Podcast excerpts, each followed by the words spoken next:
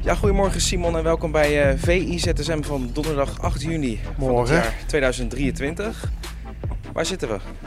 Ja, in een zo'n zo soort binnenplaatsje. Patiootje van een hotel uh, midden in, in Praag. Echt hartje centrum. Volgens mij is die bekende Karelsbrücke. Brücke. Eén keer links, één keer links. En dan sta je, sta je er middenop. Dus dat is goed geregeld weer allemaal. En wij zijn er niet zomaar hè? Wij zijn hier op uitnodiging van Laufen, een brand bij Hankook Tire. Het komt in één keer goed je mond uit. Het komt in één keer, ja, ja. Ik, heb, even geoefend. Heel goed. uh, om aanwezig te zijn bij de finale van de UEFA Europa Conference League tussen Fiorentina en West Ham United, die wij gisteravond hebben gezien. Ja, dat was een, uh, het was een ervaring hè? Ja, dat was het. Uh, al had ik in de rust wel het gevoel, zullen we anders gewoon weer terug de stad ingaan. Want ik vond die eerste helft echt Echt heel vervelend. Uh, slecht, angstig, uh, irritant gedrag van spelers. Uh, het enige wat ik zelf wel leuk vond is een beetje inzoomen op, op Amrabat bij Fiorentina en Rice dan bij West Ham. Natuurlijk twee vergelijkbare spelers met een vergelijkbare rol in hun elftal. Om te kijken hoe dat zich nou tot elkaar verhoudt. Rice is natuurlijk net een, een prijskaartje van ik geloof 138 miljoen opgeplakt. Uh, Amrabat, uh, nou, hoogstwaarschijnlijk bezig aan zijn laatste wedstrijd gisteren bij, bij Fiorentina. Ook in de belangstelling van, van grote clubs in Europa. En ja, in de eerste helft won hij het met vlag en wimpel, vond ik Amrabat. Dat vond ik echt de beste man van het veld. En dat was wel heel goed om te zien. We zaten op rij 9 volgens mij. Dicht, dicht op het veld. En de manier waarop hij positie koos en voortdurend aanspeelbaar was. En zijn duels won. ja, heel compleet. Zijn bijnaam is het, is het monster, maar hij is wel veel meer dan een monster dat is natuurlijk gebaseerd op, uh, op, zijn, op zijn fysiek ook. En de manier waarop hij die duels inkletst. Maar uh, het is gewoon een hele complete voetballer. En het is uh, maar weer eens onderstreept waarom hij zo populair is op de transfermarkt op dit moment. En in de tweede helft ja, zakte hij wat weg. en met hem de hele ploeg, heel Fiorentina. Toen zag je dat, dat West Ham het langzaamaan het initiatief overnam. En toen ontbrandde de wedstrijd ook echt. Een paar momenten waren daar belangrijk in. En ja, zoals zo vaak als er gescoord wordt. Je had natuurlijk die, die, die beker op dat hoofd van, uh, van Biragi, dat, uh, wat nogal ja. wat teweeg uh, bracht. nou, we hebben zelf die plastic bekers in onze handen gehad. Dat was inderdaad, het is wel van een andere orde dan wat we in Nederland op het veld zien, zien liggen. Dat was echt, echt van het hele harde, keiharde plastic, hè. Dus... Ja, maar ik denk ook niet dat we, dat we overdrijven als we zeggen dat er tientallen bekers zijn gegooid. Ja, ja. ja het was wachten tot er eentje boven op zijn kop terecht zou komen. Want dat, dat regende inderdaad van dat soort bekers. En, uh, maar in ja. Nederland zou de boel dan uh, drie keer zijn stilgelegd. Ja, nou ja, dat is dan het voordeel van, uh, van de UEFA. Dat, dat die wedstrijd is uitgespeeld, ja, want dat was in Nederland absoluut niet gebeurd. Maar ja, dat is, dat is bij zo'n soort finale natuurlijk helemaal geen optie om dat nee. stil te leggen. En de hele handel, ik geloof dat er 20.000 Engelsen waren. Kunnen we vrijdag terug ja, die wedstrijd. Ja, precies. Dat was het de volgende middag ja. gespeeld. Ja, dat was natuurlijk één grote chaos geworden hier. Logistiek, maar waarschijnlijk ook in, in de reacties van fans en zo. Dus dat lijkt me verstandig als je die bekers dan even langs de, naar de kant veegt en weer doorgaat. Maar het is wel triest dat het maar blijft uh, terugkomen in allemaal soorten en maten langs de velden. Maar vind je dat ook iets zeggen over de, de regel in Nederland? Dat die misschien toch wel heel erg overdreven is? Of? Ja, ik persoonlijk vind die regel overdreven, ja. Ja, ik uh, bedoel... Uh, het hooliganisme moet worden aangepakt. Dat is, en dat is iets, iets heel anders dan een, een plastic bekertje. Ook nog van zacht plastic vaak in Nederland. Ja. Uh, dat op het veld uh, terechtkomt. En uh, ja, als je daar... Ik, ik mag hopen, en dat lijkt me ook wel... De, ze gaan het sowieso evalueren deze zomer. Dat is al, al bekend. Maar dat ze dan tot de conclusie komen dat op deze manier... ja, dat, je hele competitie aan het slopen bent eigenlijk. En dat, dit, ja, dat je prioriteiten moet stellen. En die moeten niet bij een plastic bekertje liggen. Nee, en het was ook geen aanster, hè, die Biragi. Want het zag flink bloederig uit. Ja, zeker. Mooie, mooie tulband op zijn ja, kop in de club. er wel bij de, ja. Dus dat, uh, ja. ja. Dus ja, weet je, uh, uiteindelijk heeft dat op de, op de wedstrijd zelf allemaal niet zo heel veel, heel veel nee. impact gehad. Ik was al lang blij dat het in de tweede helft losging, uh, voetbal inhoudelijk gezien. Want dat was wel nodig naar de eerste helft. Nog even over Sofian Amrabat. Jij hebt op, op hem gelet. je gaat ook een verhaal maken over hem natuurlijk. Je zegt hij ligt goed in de markt. Hij heeft natuurlijk ook een fantastisch WK gespeeld met Marokko. Ja. Wat betekent goed in de markt liggen? Nou ja, dat, dat clubs van het kaliber die, die er in de winter al voor hem waren natuurlijk. Na het WK, uh, natuurlijk Barcelona heel concreet voor hem geweest. Ging niet door tot zijn eigen uh, teleurstelling ook. Dat, leverde ook nog wel wat, wat hommeles op bij Fiorentina. Nou ja, die knop heeft hij toen omgezet. En toen had hij wel vrij snel weer dat niveau te pakken wat hij, wat hij op het WK ook, ook liet zien. Het was voor hem natuurlijk wel heel tof geweest als hij het had kunnen, eh, ja, kunnen onderstrepen of bekronen met, eh, met een beker. Dat is in de, in de bekerfinale van Italië niet gelukt tegen Inter verloren.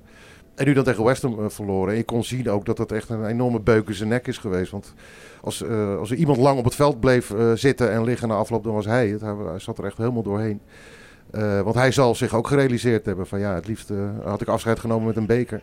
Ja. En nu is het met een sof.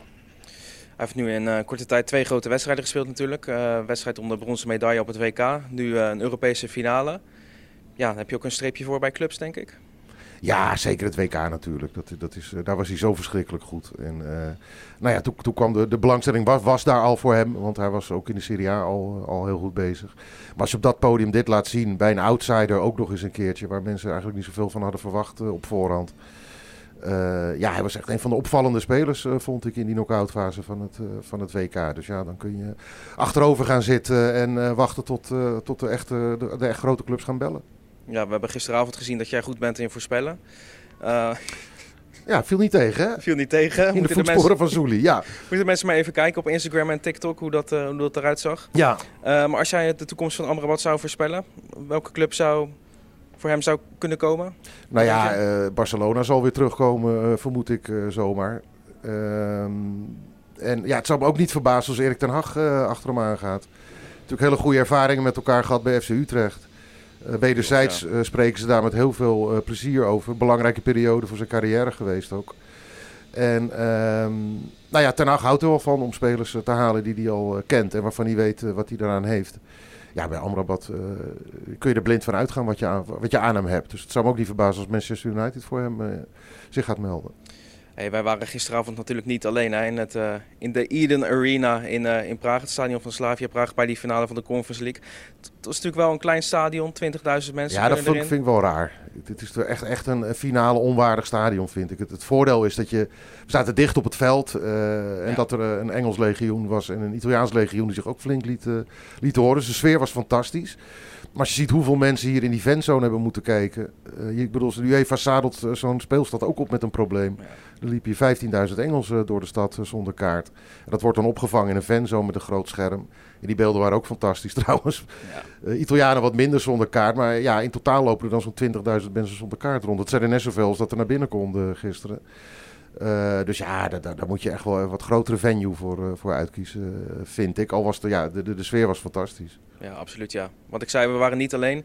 We waren natuurlijk met ja, de mensen van Laufen slash Hankook Tire. ja, brand bij Hankook Tire moet ik eigenlijk zeggen. En eh, we hadden natuurlijk een aantal weken geleden hadden wij een, eh, een eh, winactie opgezet bij VI. ja. Zodat er twee prijswinnaars mee konden. Nou, wie waren er mee?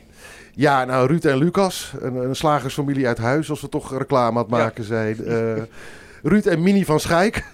Hollebrok 38 in Huizen, daar zitten ze. Een keurslager. adres heb jij gewoon helemaal. Ja, ja, ja, ja, ja. En de Google reviews, vijf volle sterren hebben ze. Vooral de paard. Vakmensen. Ja, paardenworst schijnt niet te versmaren te zijn.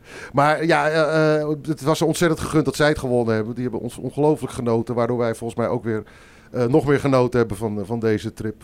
Ja, met name toen we vlak voor, voor dat de wedstrijd begon opeens een seintje kregen dat we achter de schermen mochten komen kijken. Toen niet precies wetende wat dat nou eh, inhield. Maar eh, ja, twee, dachten, we gaan naar weer een slechte perskamer die wij al zo vaak hebben gezien. ja, er zitten dan een paar lelijke, ruftende journalisten bij elkaar. Wij kennen dat allemaal wel. En dat was voor hun misschien dan ook nog wel leuk geweest om een Ja. keer te zien.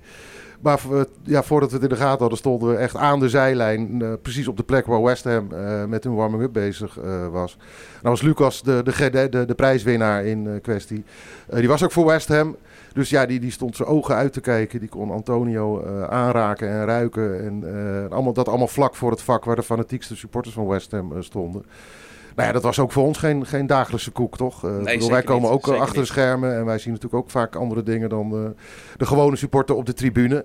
Maar dit was wel heel gaaf om te zien. En eh, toen, toen zag je ook goed de intensiteit waarmee die warming-up... Ik werd al moe als ik er naar keek. Ja. Zo intens ging dat. En ja, dat, dat was wel een hoogtepunt, vond ik, van, de, van, van die hele avond. Omdat je daardoor dus op plekken komt waar je, waar je normaal niet komt. En de manier waarop ze, eh, Ruud en Lucas daarvan genoten, dat vond ik echt wel, eh, echt wel heel gaaf. Ja, schitterend om, eh, om vader en zoon op die manier te zien Ook natuurlijk. nog het vader en zoon principe, Ja. dat is in het voetbal natuurlijk ook, ook geweldig inderdaad. Ja. Ik vond het ook wel mooi dat Lucas, het was zijn eerste vlucht.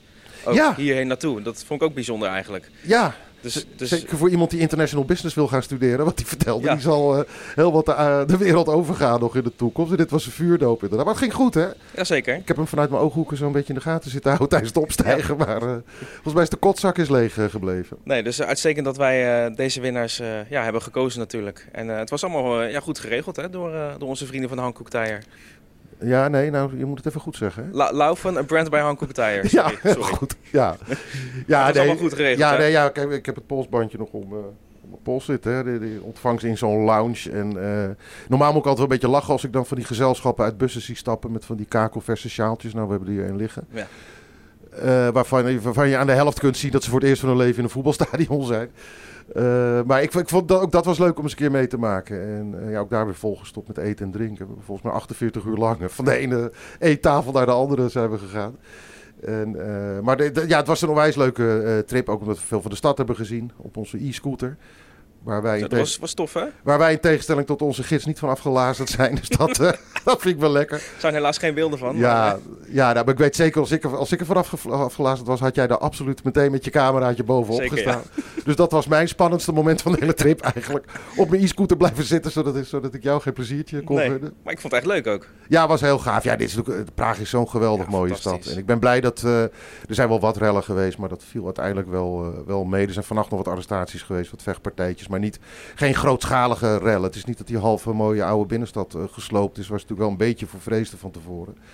En eh, nee, Praag is nog steeds eh, toegankelijk voor toeristen, ook na deze, deze finale. Zullen wij eigenlijk naar het grootste voetbalnieuws gaan van gisteren? Dat was niet de Conference League finale, maar de transfer van Lionel Messi. Ja, Die gaat naar Inter Miami. Was je verrast? Nee, nou, dit, dit, dit ging al, eh, al wel wat langer, dit gerucht. En Beckham probeer, eh, David Beckham, de eigenaar van Miami, die probeert hem al heel lang die kant op te krijgen. Ook al eh, toen hij naar Paris Saint-Germain uiteindelijk eh, ging. En ja, ik vind het zelf wel een hele leuke keuze. vooral ook omdat het daardoor niet Saoedi-Arabië is geworden. Dat begint natuurlijk een hele rare competitie te, Ja. te worden. Hè. De, de, de, het, er is een soort staatsfonds opgericht, eh, waardoor de vier grote clubs daar nu in handen zijn van, eh, van het hele sympathieke eh, prins, koningshuis. En ja, die zijn natuurlijk bezig, die zijn allemaal aan het voorsorteren op dat WK van 2030 dat ze binnen willen halen. En ja, die, willen, ja, die zijn nu al aan het, ja, wat ze sportswashing noemen. Hè? Ja. Dus grote namen binnenhalen, waardoor het eigenlijk steeds, ja, steeds meer aandacht gaat krijgen. En steeds normaler gevonden gaat worden dat, daar, ja, dat er grote spelers heen gaan. Nou ja, een paar eh, zijn er eh, bezweken, Benzema dan als laatste. En dat Messi een hele andere keuze maakt, eh, dat vind ik eigenlijk wel heel, heel grappig. En een goede, goede boost voor het voetbal in de, in de MLS. Wat al een paar jaar aardig in de, in de lift zit. Ik, ik ben een paar jaar geleden bij LA Galaxy geweest toen Dennis de Kloese daar directeur was. De huidige Feyenoord-directeur. En Slatan daar speelde. En toen heb ik echt wel een heel goed beeld gekregen in, van, ja, van hoe dat eh, in niveau en in organisatie allemaal, allemaal gegroeid is. En wat zo'n verdette, in dat geval Slatan en straks Messi, eh, wat het allemaal losmaakt daar. Dat was echt een enorm gekkenhuis. En dat, eh, ja, ik ben wel benieuwd hoe dat gaat uitpakken. En ik, ik, ik snap hem ook goed als jij kan kiezen tussen leven in, eh, in Miami en in eh Riyadh. Wat zou jij doen? Ja, dan zou ik het ook wel weten, ja. Maar Met- toch ben ik verrast. Ja? Gezien de banden van Messi met Saudi-Arabië, lag het wel heel erg voor de hand dat hij daarheen zou gaan, toch? Ja, maar eh, ja, als je, ja, als je dat dan als leidraad had genomen wel. Maar Maar het leven inderdaad, eh, dan zou ik het ook wel weten. Lekker naar Miami gaan. ja, de, de verrassing zat er voor mij meer in dat het die toch Barcelona eh, dan is geworden. Omdat eh, nou ja, van de week is de vader van Messi, die is met Laporta wezen lunchen. En alle Spaanse pers die weet dan altijd binnen, binnen no time waar ze zitten. En die, ze worden gefilmd als ze naar buiten komen. En ja, zij, toen, die waren wel positief over de mogelijke uh, rentree. Alleen ja, dat is stuk gelopen op waar het, waar het een paar jaar geleden ook op stuk liep. Namelijk uh, ja, de, de poen, de financiën. Maar daar begrijp ik toch heel erg weinig van eigenlijk. Want ik lees dan quotes van Messi die zegt... Ja, ik vind het heel erg jammer dat ik niet terug kan naar Barcelona. Ik had er heel graag weer terug willen keren. Maar Ja. als het dan gaat om de ordinaire poen... Waar is dan het stukje Ja, maar bij? Barcelona is dat wel een eh, vrij eh, ingewikkeld verhaal. Dus het is niet alleen maar dat ze zijn salaris niet kunnen eh, betalen. Maar toen kwam hij in een situatie terecht waardoor er moesten allemaal spelers verkocht worden om hem dan binnenboord te kunnen houden. Nou, de- het geleur met Frenkie de Jong is, is toen ook begonnen. En da- in zo'n situatie zouden ze nu weer terechtkomen. Ze konden hem ook geen harde concessies doen. Want toen, eh, nou, toen is het bijvoorbeeld niet gelukt om Frenkie te verkopen en, ook, en andere spelers ook niet. Dus dat was weer een maandenlange stroperige toestand eh, geworden voordat het duidelijk was geworden überhaupt of, eh, of ze het zich konden veroorloven en of, of dat aan de Spaanse regels dan ook zou voldoen om hem terug te halen naar Barcelona. Ja, daar, daar had hij geen zin in. Dat is wat ik uit zijn statement opmaak. En daar kan ik me ook wel iets bij voorstellen. Ja, dat is wel een hoop gedoe inderdaad, ja. Hoop gedoe, ja. Nou, wel mooi om te zien, Messi in de, in de MLS. Ik ga daar graag ik. een keer heen voor een reportage. Ik weet niet of de hoofdredactie meekijkt, maar eh, bij deze. Nou, ik weet niet of Hankook nog goede banden heeft in Amerika. Oh, dat is ook wel wat zijn. Goede woordspeling trouwens, hè? Op, ja. ja, op onze e-scooter door Miami. Ik zie het wel op de dus- Ja. ja. Ik zag trouwens nog een interviewtje met eh, Nick Marsman, die natuurlijk keeper is van Inter Miami. Maar er komt natuurlijk ook wat dat betreft een droom uit voor Messi. Ja. Eindelijk samenspelen met Nick Marsman. Dat is natuurlijk ook, eh, Ja.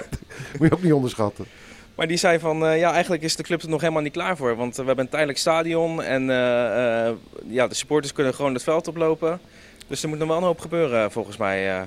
Dus ik ben benieuwd hoe dat gaat allemaal. Ja, nou zie ik in Amerika eh, niet echt een supportersprobleem. of je daar Nou ja, als hek- Messi er is, dan... Ja, dan wel. Maar goed, die Amerikanen zijn wel gedis- gedisciplineerd bij sportevenementen. En eh, ja, Beckham heeft ook nog wel wat, wat zakcentjes over. Dus die kan wel wat extra investeren misschien om, om dat stadion dan Messi-proof te krijgen. Maar dat lijkt me het, het, het, het minste probleem eigenlijk. Ja. Het meest gelezen op VI Pro was, tenminste het meest bekeken, was eh, video FC Bankzaak over Almere City. Eh gaan wij niet heel die video ontleden, maar eh, het ging eigenlijk over dat als Almere City naar de Eredivisie gaat, wat het dan betekent. Ehm zou jij het mooi vinden als Almere City promoveert? Ja, dat zou wat nieuws weer zijn. Hè? En als je ziet de, de opbouw van, van die club sinds, ze- sinds ze begonnen zijn. Als nieuweling aan het front, tijd gele- geleden.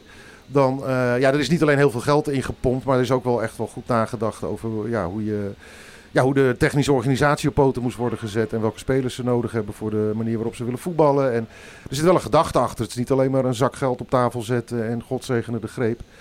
Eh, dus ja, ik houd dat wel van clubs waar een beetje wordt nagedacht over hoe ze, hoe ze verder willen. Nou, dat gebeurt eh, in Almere. En ja, en dat hele nieuwe, dat, dat, Ja. dat vind ik leuk. En, Gaan ze het redden? Poeh, ja, dan moet ik weer mijn, eh, mijn eh, net Ja. nieuwe status als meester Ik voorspellen. weet aan wie ik het vraag Eh, nu, Ja, dus, ja, ja. Ik denk dat ze het gaan redden, ja. Ja, ja. en ik, ik zou het ook wel, ik zou het Pastoor ook wel gu- gunnen, de trainer. Dat vind ik een, vind ik een beetje een onderschatte trainer. En dat zou voor hem ook een, een mooie bekroning zijn voor, nou ja, voor jarenlange vakmanschap. We gaan het zien, Simon. Wij gaan zo het vliegtuig in. Ja, het zit erop, hè? Zit erop. We zullen toch nog wel één keer gaan eten, of niet? Zullen we even gaan ontbijten? Hoeveel kilo ben jij aangekomen? Eh, ik wil het niet weten. Nee, ik gok drie. Nou, zie je dat aan me? Ja, Ah, jammer. ja, ik snap wel waarom jij buiten beeld blijft. Ja, is goed, Simon. Oké.